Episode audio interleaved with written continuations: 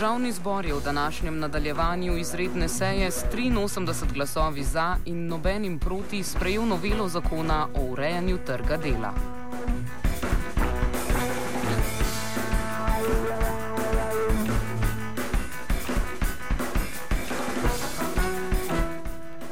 Bistvene rešitve reforme lahko sicer razdelimo na štiri dele.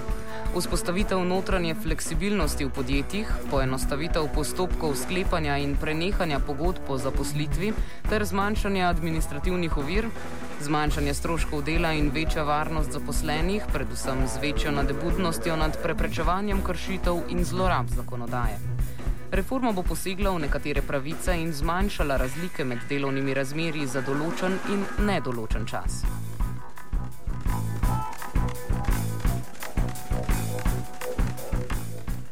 Na reformo trga dela so se odzvali na Zvezi svobodnih sindikatov Slovenije.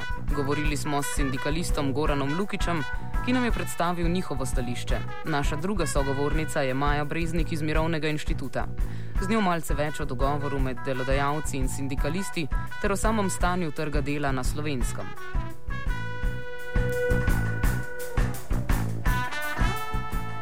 Začenjamo z Breznikovo, ki nam predstavi specifičnost urejanja trga dela. Stanje, s katerim imamo upraviti zdaj, izhaja v bistvu, v bistvu ni nekaj novega. Izhaja iz 70-ih let in tedajšnje ekonomske krize, uh, ko so mislili, da bo odgovor na uh, ekonomske krize tistega časa fleksibilizacija trga dela in da je to tisti ključ, ki bo prinesel večjo inovativnost pri, v delovni sili in večjo učinkovitost gospodarstva. Hesno je, da sami znanstveniki, ki se ukvarjajo s tem, sociologi in podobno, so pa v tem videli ravno nasprotno priložnost, da se delo so v fleksibilizaciji videli, da delo lahko postane avtonomno, nekaj drugačnega, kakor je opisoval Harry Braverman za tistega klasičnega industrijskega delavca, ki je od, uh, odtujen, uh, ki ne more uporabljati svojih veščin in ki uh, je pod popolno kontrolo menedžmenta. Uh, tako da ta program fleksibilizacije v bistvu traja že kakšnih 30 let.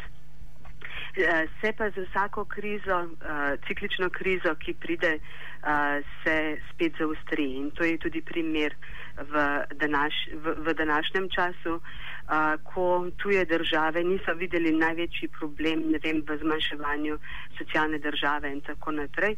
Predvsem govorim seveda o mednarodnih organizacijah, temveč so v primeru Slovenije videli največji problem, da še ni prišlo do tako imenovane reforme trga dela. Sledi stališče sindikalista Lukiča do novele zakona o urejanju trga dela. Tej zakonodaji oziroma reformi so prišli noter kar nekaj, ne, bi rekel temu, nekaj novih inštitutov. In sicer plačilna lista postane izvršilni naslov. Če to prevedemo iz pravnega jezika v slovenski jezik, to pomeni, da v bistvu boš lahko s plačilno listo neposredno uh, uveljavil svojo pravico v primeru neizplačevanja plače, recimo kot je plačilo za elektriko, ne vem, eh, kot je plačilo za plin, lahko uveljavi pač ta uh, institucija, da se direktno naredi izvršbo, bo potem tukaj plačilna lista igrala to vlogo. Uh, druga stvar, ki je pri agencijskem delu se uvajajo kvote, 25% kvota za, uh, pri uporabniku, kar pomeni, da nekako se na ta način zamejuje eh, pri nekaterih res nenormalno veliko uporaba agencijskega dela. Ob tem, da se dodatno še regulira samo agencijsko delo, kar je zelo pomembno tudi povezavi z drugim zakonom, torej zakonom o enem trga dela. Uh, no, smo uspeli dati uh, tudi položaj oziroma mesti, prvi do zdaj položaj tako imenovanih ekonomsko odvisnih oseb, torej oseb, ki upravljajo več kot 80% svojega dela za enega naročnika, te imajo omejen obseg pravic iz dela. Uh, potem še ena stvar, ki je uh, zelo, ko bi rekel, tudi pomembna, je, da se mladim omogoča hitrejši dostop do denarnega nadomestila, uh, ker zdaj je recimo nadomestilo rezervirano za tiste, ki so v zadnjih dveh letih delali najmanj devet mesecev.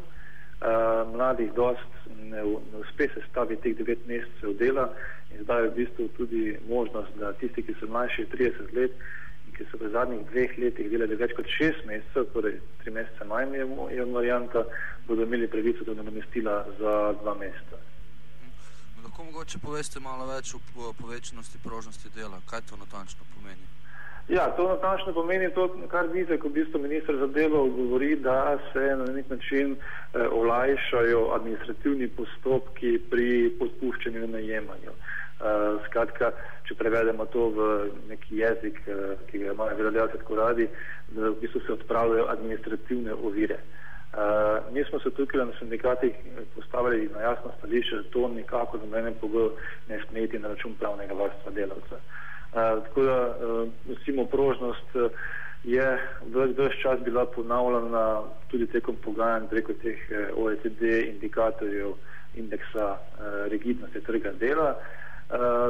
Tega smo se dosti naposlušali tudi recimo, ko je bilo govora o odpovednih rokih, ko je bilo govora o zaščiti delavcev, Skratka, bilo je zelo veliko tiska, se ni delodajalcev, predvsem, da se mora absolutno povečati prožnost trga dela, čež da bo potem kar naenkrat uh, začel zaposlovati, tako pa naj bi v tem trenutku kao bili preveč prestrašeni in ne bi zaposlovali. Mislim, meni ta logika ravno glede na to, kako so zelo uh, veseli za zaposlovanje delodajalci v zadnjem času, ravno ne drži. No, Eh, in jim je seveda to zelo prav prišlo, da je kriva rigidnost uh, trga dela in uh, indeks poslovanja, oziroma rigidnost dela pri OECD-ju. Pozitivno se zdi tudi uh, pač to omejevanje pogodb v določen čas in pa omejevanje agencijskega dela. Ja, tako je. V bistvu zdaj, tukaj mi mislim, da mi ne treba posebej razlagati, kaj se je sploh dogajalo v zadnje čase, ko se je izjemno povečalo število veriženja dela za določen čas. Vsi vemo tista varijanta isto delo, isto delovno mesto, ko je potem delodajalec zgolj malo nijanso spremenil uh, delovno mesto in to je to. Uh, zdaj se je to kar fajn spremenilo in sicer se veže to na isto delo. Uh, tako da ni več povezave delavca na delovno mesto, ampak samo delo. Uh, jaz verjamem, da tukaj uh, bo se zelo znižalo število zaposlitev za določen čas, oziroma bi rekel, da temu, da vsaj upam, da bo to šlo v tej smeri. Eh, še ena stvar pa je tudi ekonomska stimulacija eh, za poslovanje za nedoločen čas, kajti eh, v primeru, da se bo zaposlil za nedoločen čas, se bo delodajalcem v bistvu, kot bi rekel, odpovedalo oziroma delodajalci ne bo, ne bo treba plačevati prispevka za brezposobnost. Po drugi strani pa za določen čas bodo pa plačevali v primeru pogodbe takšne petkrat više prispevke za brezposobnost za socialne prispevke za primer zavarovanja v primer brezposobnosti. Agencije, o tem sem že prej povedal, vsi vemo, kaj se dogaja, izjemen porast agencij, kljub temu, da je že pred dvema letoma prišla ven regulacija, zdaj imamo 186 in ena stvar, ko je, so zagotovo kvote, druga stvar, ki je, je tako imenovana subsidijarna oziroma solidarna odgovornost, torej da si v bistvu uporabnik in pa uh, agencija uh, v bistvu morata deliti obveznost glede neizplačanih plač, recimo. Uh, potem pa seveda v povezavi z agencijami moram podariti, da se mora tudi sprejeti, uh, tako kot bo recimo prišel veljavo ta zakon trga dela, se mora ga ponovno odpreti, to je zagotovilo ministrstvo za delo, tako da so lahko tisti členi, ki se tičejo agencij in ki regulirajo agencije, v bistvu ponovno prevetrijo, če lahko temu tako rečemo, ker vsi vemo, da je treba v bistvu to, to področje predvsej zregulirati.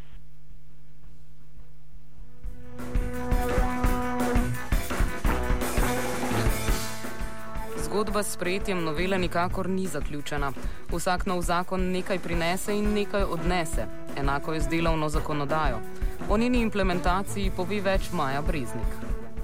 Eh, če bi ocenjeval samo delovno zakonodajo, mislim, mednarodne organizacije je motilo predvsem to, da imamo predvsej uh, uh, dobro delovno zakonodajo, ki varuje pravice delavcev. Ne? In uh, nova reforma trga dela se je morala uh, vzpostaviti zato, da se zmanjšajo pravice del delavcev. Uh, tukaj se ni treba uh, pač slepiti.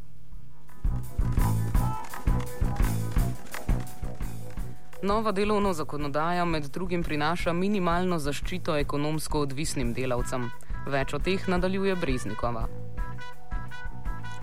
A, te so bili zaščiteni že prej, to je največji paradoks. Uveljavljala se, uveljavljala se je, zdaj se znova govori o ekonomsko odvisnih delavcev, kot da je neka povsem nova skupina, ki še nima nobene zaščite. Vendar starejš, stara zakonodaja, oziroma še zdaj veljavna zakonodaja, je nudila varstvo tem delavcem. Ekonomsko odvisni delavci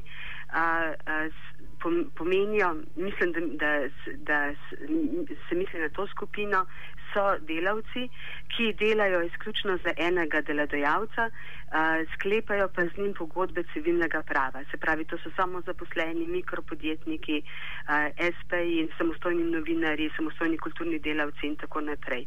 In že zdajšnja zakonodaja ima v drugem odstavku 11. člena do, določbo, ki, ki prepoveduje sklepanje civilnih pogodb, če obstajajo elementi delovnega razmerja.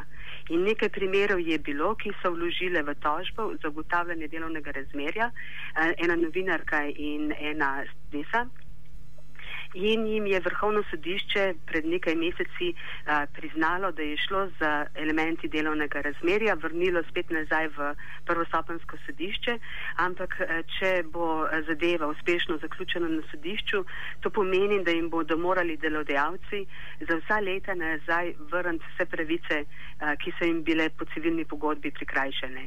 Prispevki za socialno varnost, pokojninsko varnost, zdravstveno varnost, dopust, plačane dopuste, regres, regrese in tako naprej. Tako da to je bila paradoks slovenske zakonodaje, delovno-pravne zakonodaje, je, da je v bistvu izjemno dobra in zelo dobro ščiti delavca.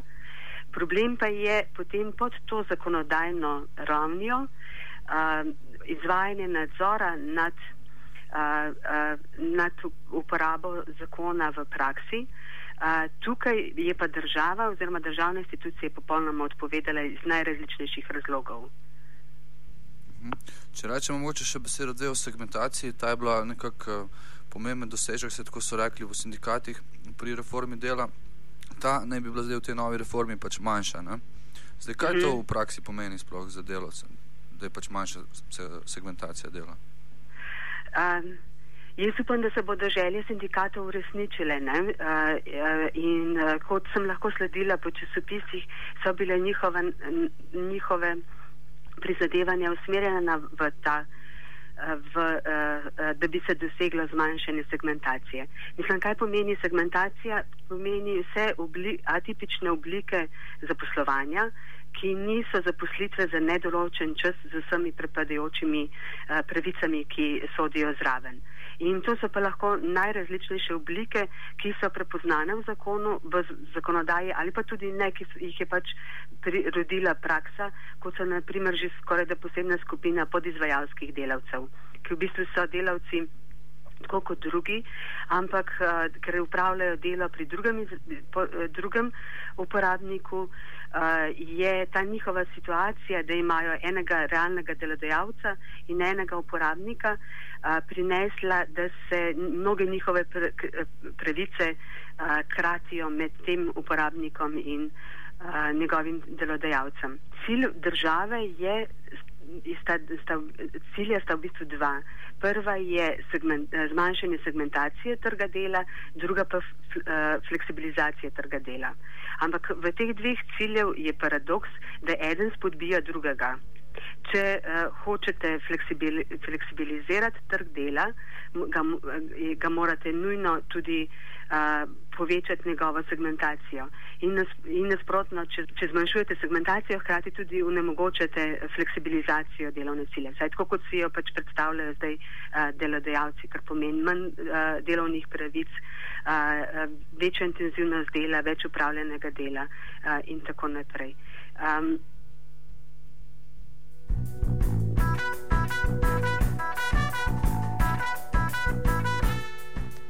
Čeprav segmentacija in fleksibilizacija delovne sile ne hodita z roko v roki, vendarle ti dve obliki funkcioniranja prebivalstva pokrivata dobršen del trga v Sloveniji.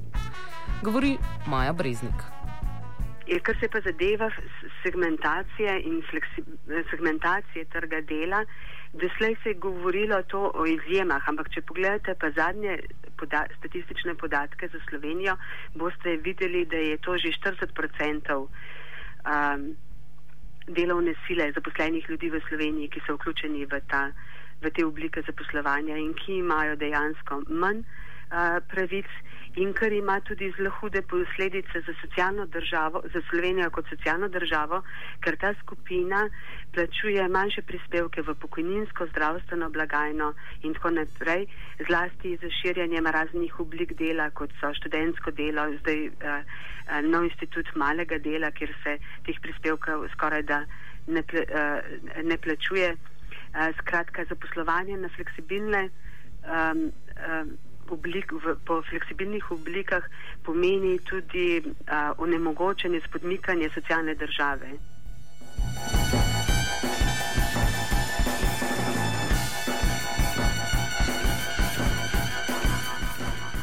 Offside je pripravil Marko.